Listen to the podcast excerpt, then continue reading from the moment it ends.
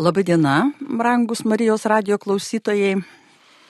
Per advento laikotarpį vis galvoju, apie ką čia būtų galima pasikalbėti, ką prisiminti. Tai šį kartą mes pakalbėsime apie mūsų didįjį klasiką, poetą, laisvės šauklį Bernardą Braždžionį. Ir prie mikrofono esu aš, Aldona Rusetskaitė, o pokalbį pasikviečiau savo kolegę Juratė Ivanauskinė. Juratė daug metų tyrinėja Bernardo Braždžionio archyvą Maironio Lietuvų literatūros muziejuje. Tai noriu priminti, kad Braždžionio archyvas į Lietuvą, į Maironio namus buvo parvežtas 2003 metais, tai kitą metą jau ir 20 metų bus.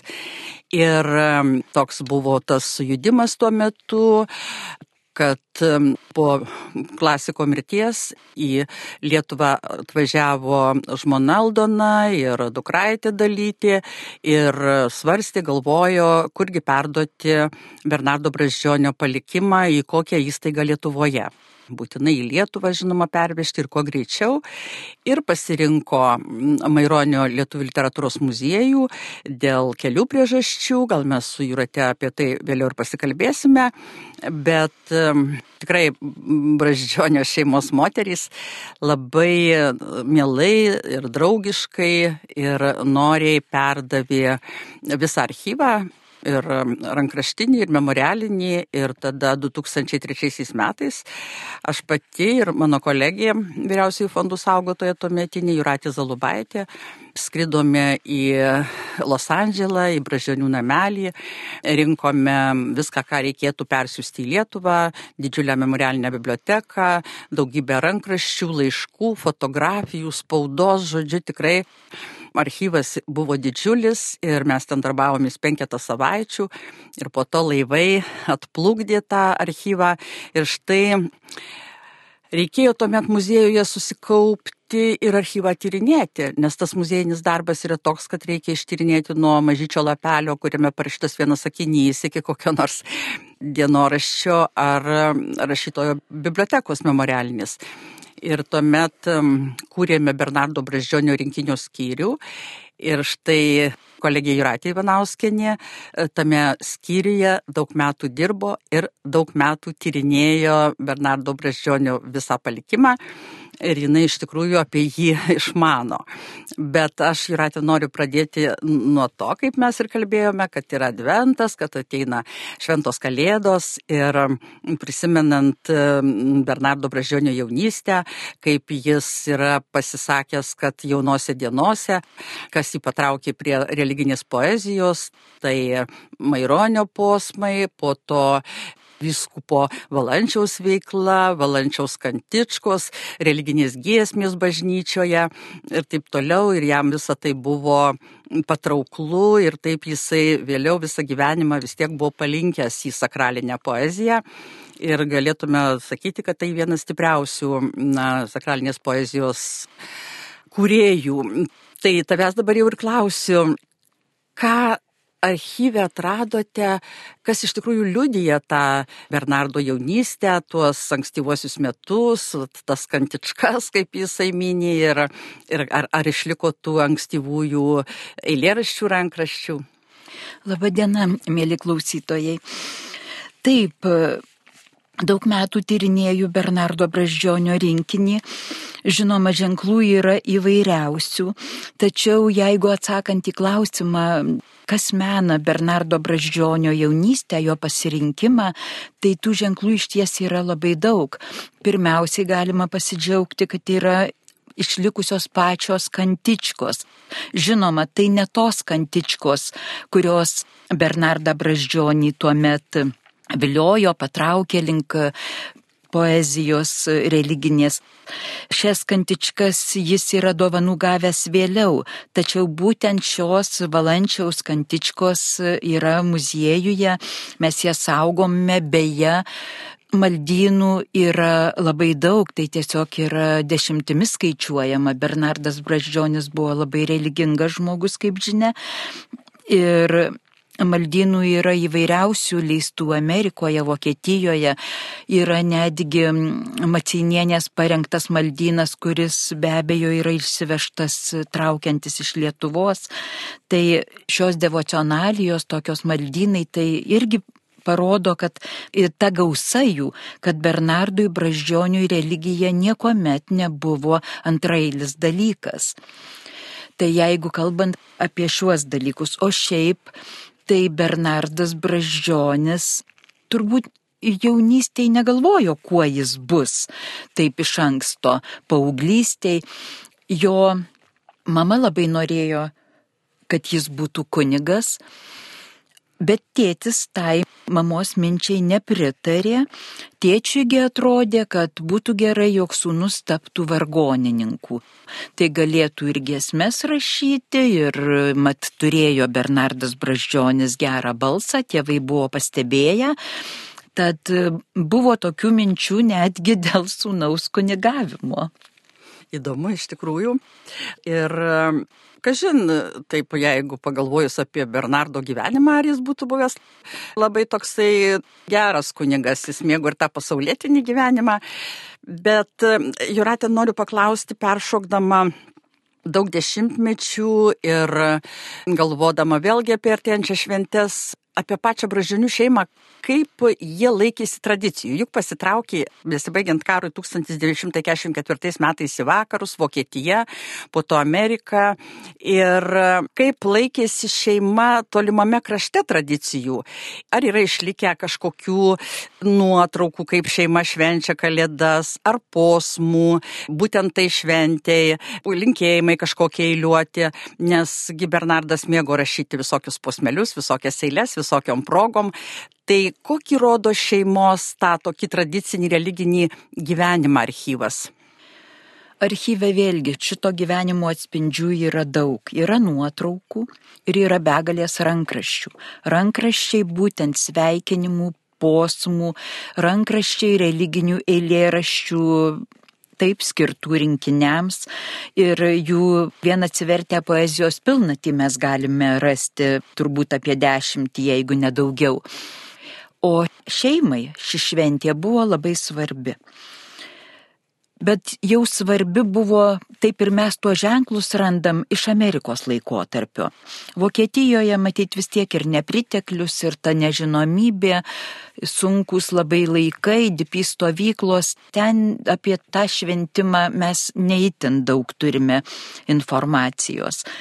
O Amerikoje bražionių šeima labai šventė Kalėdas, kūčios buvo labai svarbus šeimos susibūrimo vakaras ir žinoma, tam ruošėsi daugiausiai Aldona Braždžionenė.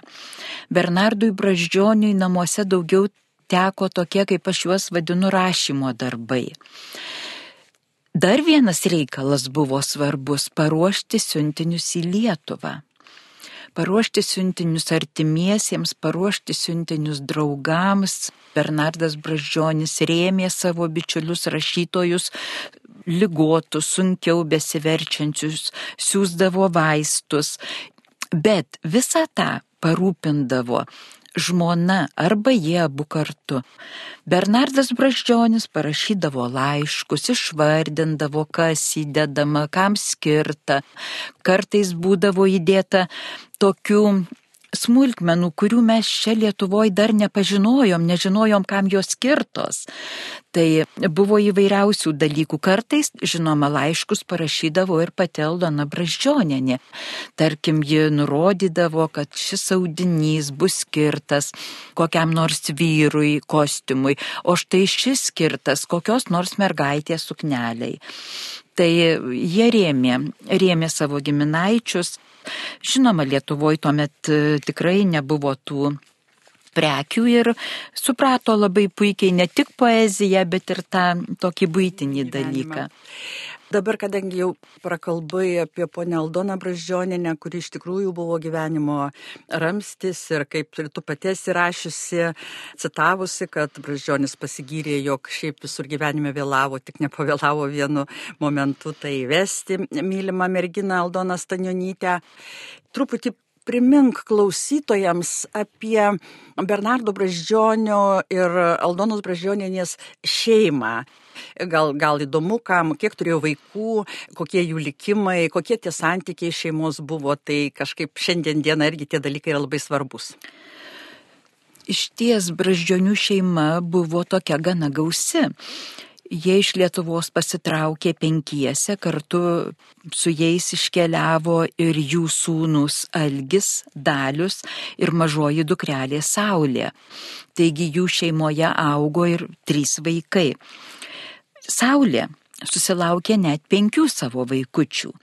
Ir kalėdos būdavo senelių namuose, senelį vadino tėtuku ir seneliu kažkaip nevadino jo ir tos kalėdos kūčios būdavo būtent braždžionių namuose ir dukter Saulė šeima ten būdavo labai svarbi, juolab, kad vyresniosios dukros dalytė ir bitutė nemažai augo braždžionių namuose. Braždžionis rūpinosi jų lituanistiniu švietimu, leido į lietuvių mokyklą šeštadieninę, rūpinosi jas ten nuvežti, parvežti tai tos mergaitės jau buvo labai artimos. Būdavo labai džiugios kalėdos, kuomet atvykdavo sūnus Algis gyvenantis toli, o sūnus Dalius vidurinysis jų vaikas taip pat dalyvaudavo, tačiau daliaus likimas toks, kad 1985-aisiais jis staiga mirė, tiesiog jo širdis taip sustojo netikėtai. O 92-aisiais dėja mirė ir dukra Saulė, tai braždžionių iš to tokio gražaus, tarsi laimingo gyvenimo labai dvi didelės netektys buvo šeimoje.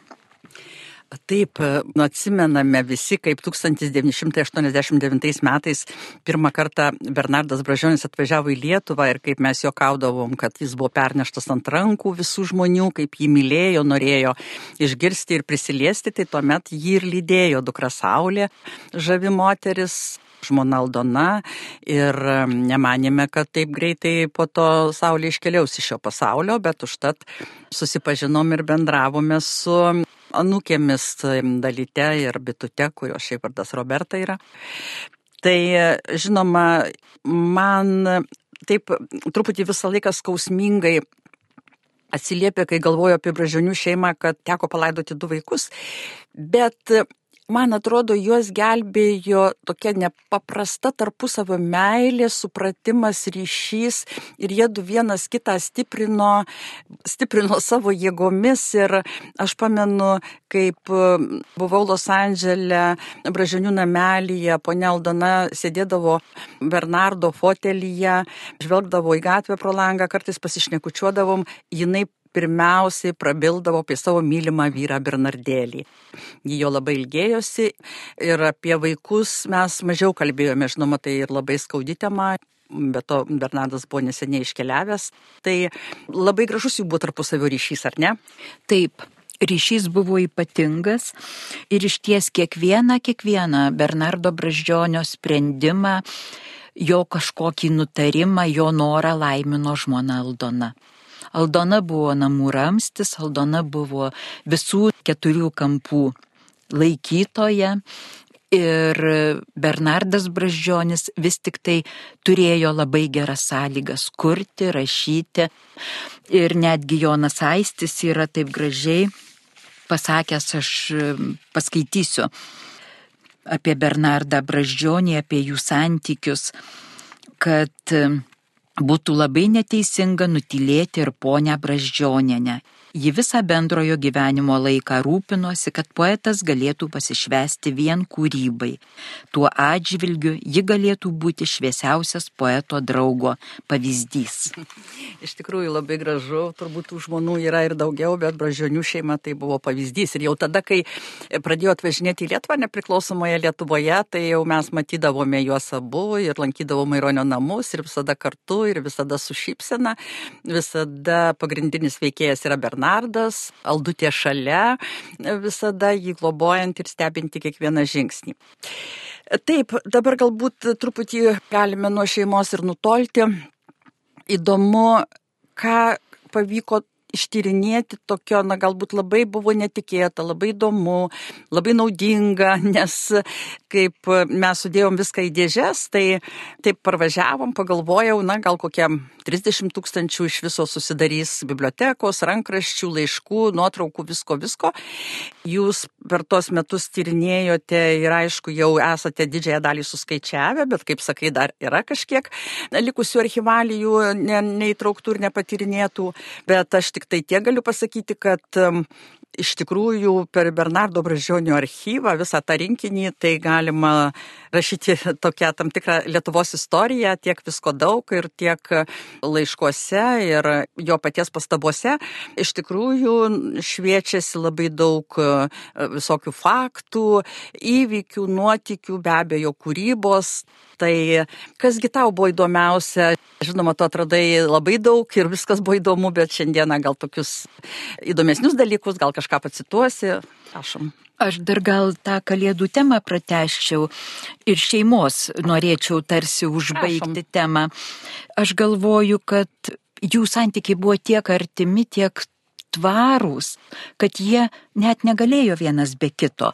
Ir tai yra faktas. Negalėjo atostogauti, jeigu Bernardas išvažiuodavo kažkur vienas į kokį simpozimą Amerikoje, ar iškeliaudavo į Australiją, ar dar kažkur į Europą. Jis kiekvieną dieną rašydavo žmonai laiškus ir jie viens be kito gyventi negalėjo. Manau, neatsitiktinai praėjus trejiems metams po Bernardo Braždžionio mirties Vėlgi Bernardas Bražionis mirė Liepos 11-ąją, praėjus trejiems metams Liepos 16-ąją iškeliavo į Dausas ir Aldona Bražionienė.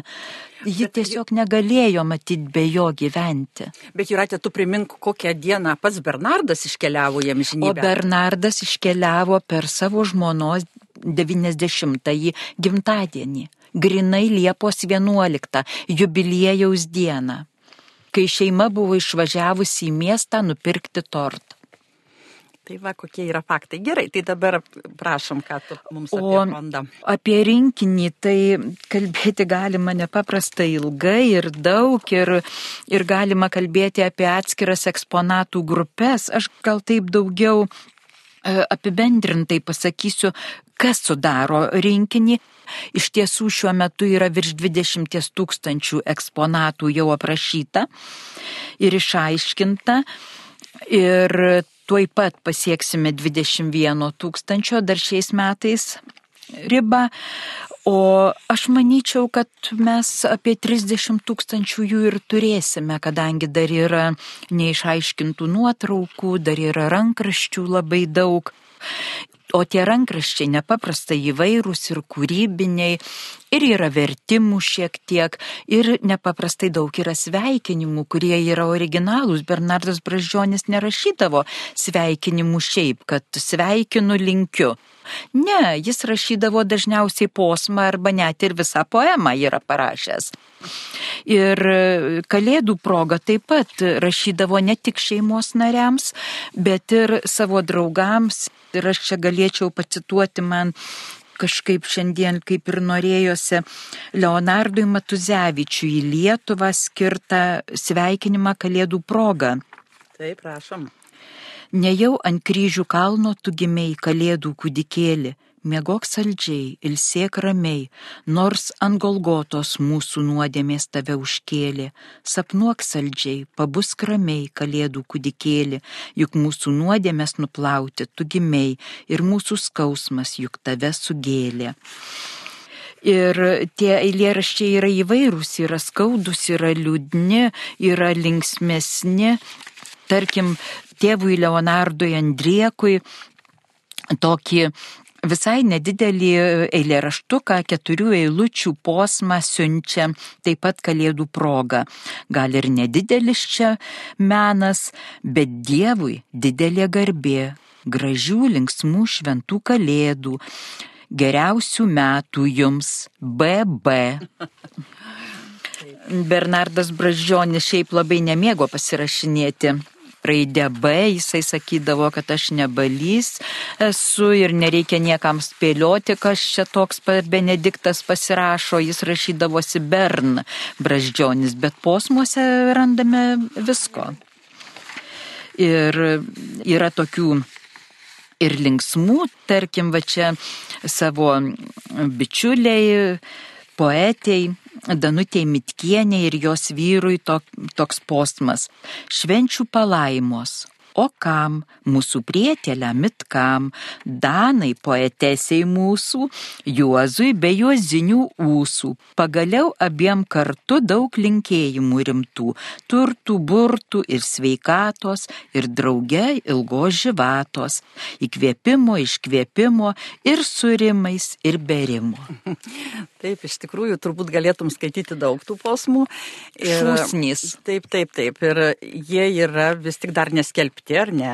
Ne. Ir galima būtų išleisti kažkokią knygelę Bernardo Breždžionio sveikinimai, eiliuoti visokie linkėjimai ir rimti, ir kalambūrai, nes žinau, kad ir kalambūrus jisai parašydavo ir mėgo. Taip. Žodžiu, toks buvo labai, sakyčiau, visapusiškai spalvingas žmogus. Taip, ką dar prašau. Ir aš gal pasakysiu dar tokį irgi vieną linksmą dalyką visai liūdnu laikotarpiu, karantino laikotarpiu. Pernai sausio mėnesį atradau tarp rankraščių tokį Bernardo Bražionio eilėraštuką pavadinimu Kaukės. Na, žinoma, mes čia negalvokim, kad Bernardas Braždžionis buvo pranašas ir išpranašavo lygiai po 60 metų Lietuvą ištiksiančią, ne tik Lietuvą, pasaulį ištiksiančią tokią epidemiją baisę kaip korona, kaip COVID.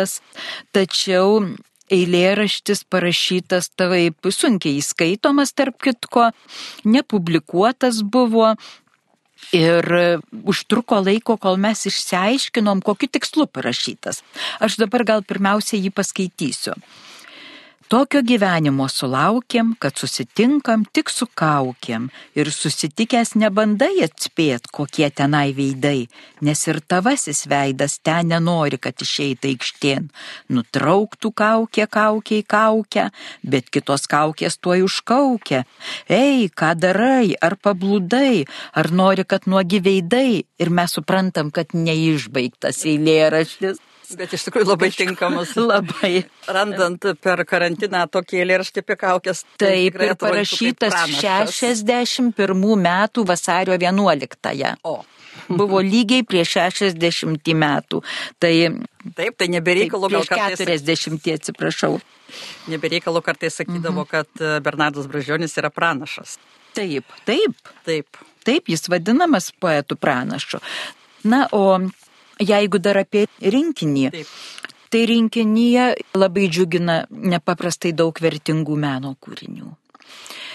Ir džiaugiamės, gėrimės tais paveikslais, žinoma, turbūt pagrindinis toks ir iš Lietuvos autorių yra, ir Kalpoko, ir Šimonio darbų, Petravičiaus Amerikoje gyvenusio.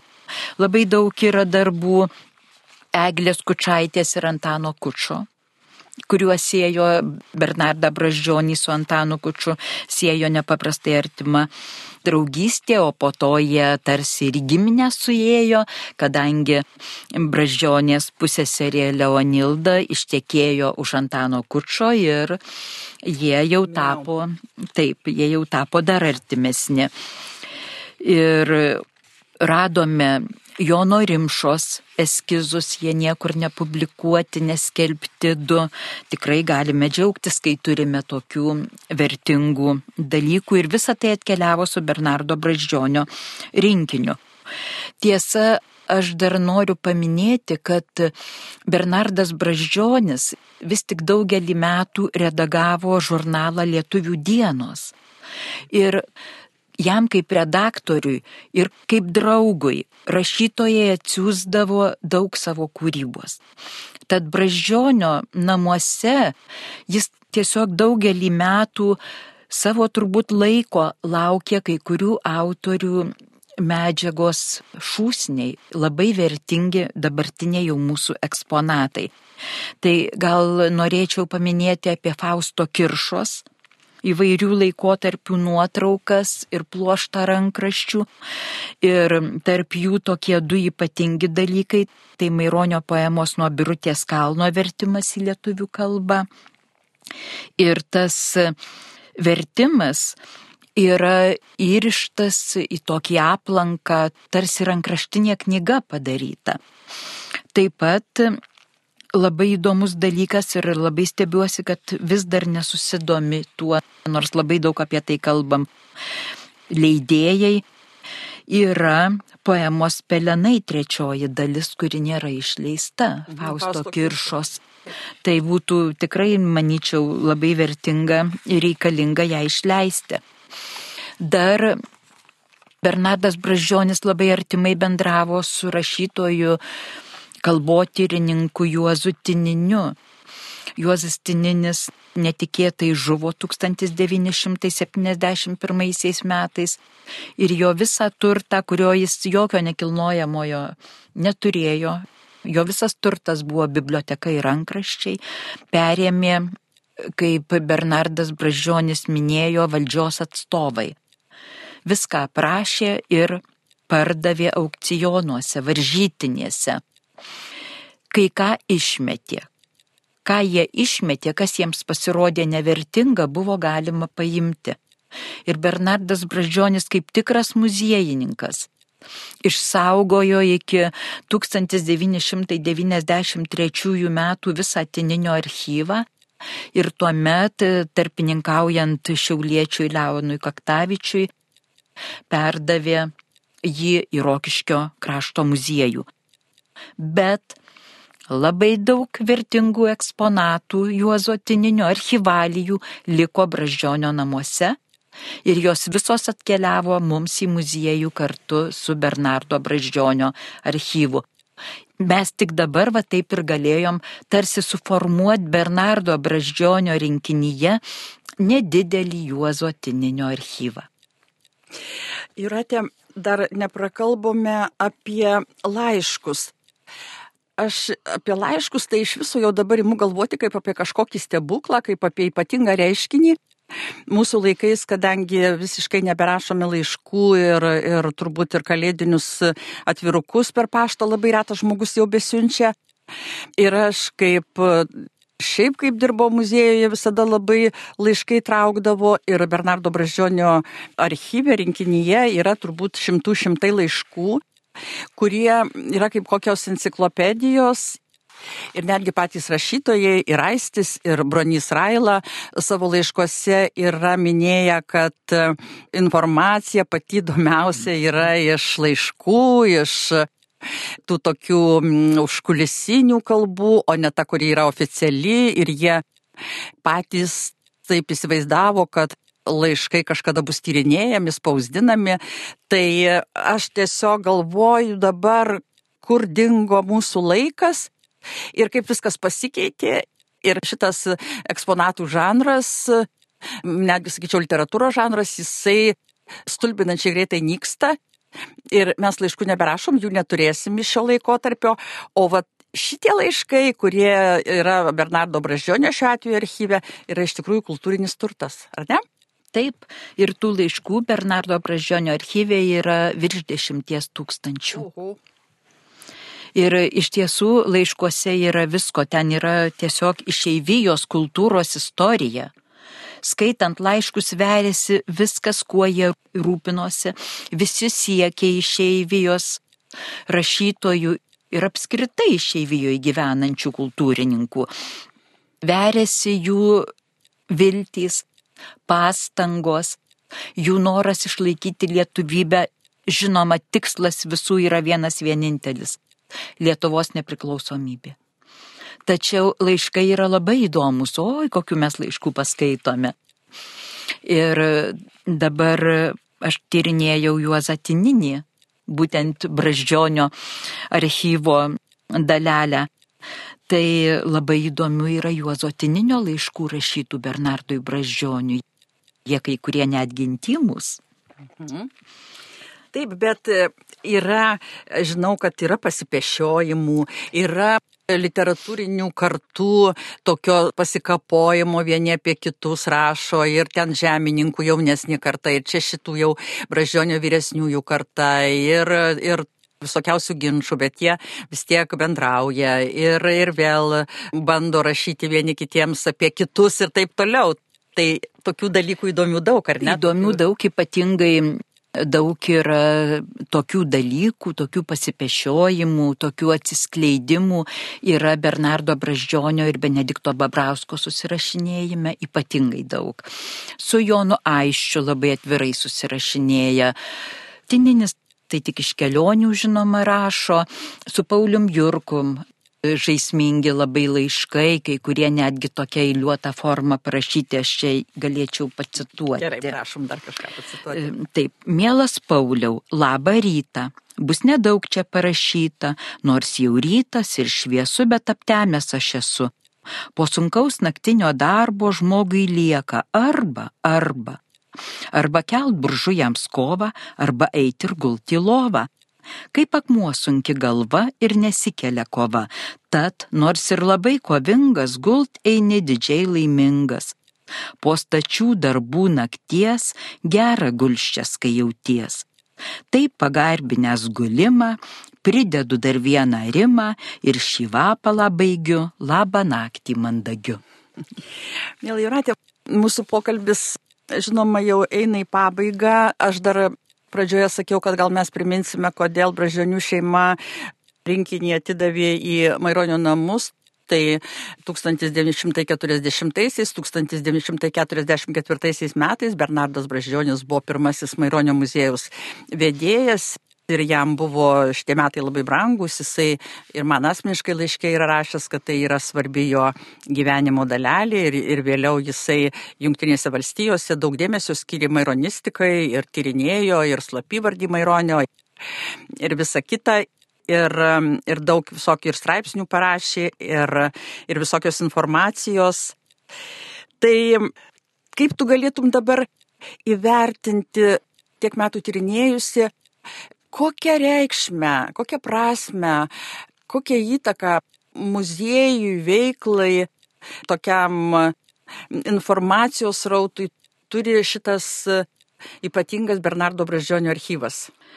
Iš ties, kad Bernardo Bražionio archyvas atsirado mūsų namuose, kad jis atkeliavo į Maironio Lietuvių literatūros muziejų, tai yra labai gerai. Yra labai didelis džiaugsmas mums muziejininkams pirmiausiai, Ir žinoma visiems, kurie domisi laiškais, domisi išeivijos literatūra, kultūra, juose yra nepaprastai daug informacijos. Ir ypatingai laiškus mes daug kur panaudojame, leidžiant leidinius. Susirašinėjimas yra su įvairiausiais autoriais. Su Vaičiulaičiu, su Tulauskaitė nepaprastai artimi santykiai Bernardo Braždžionio buvę. Yra Babitsko eksponatų irgi laiškų.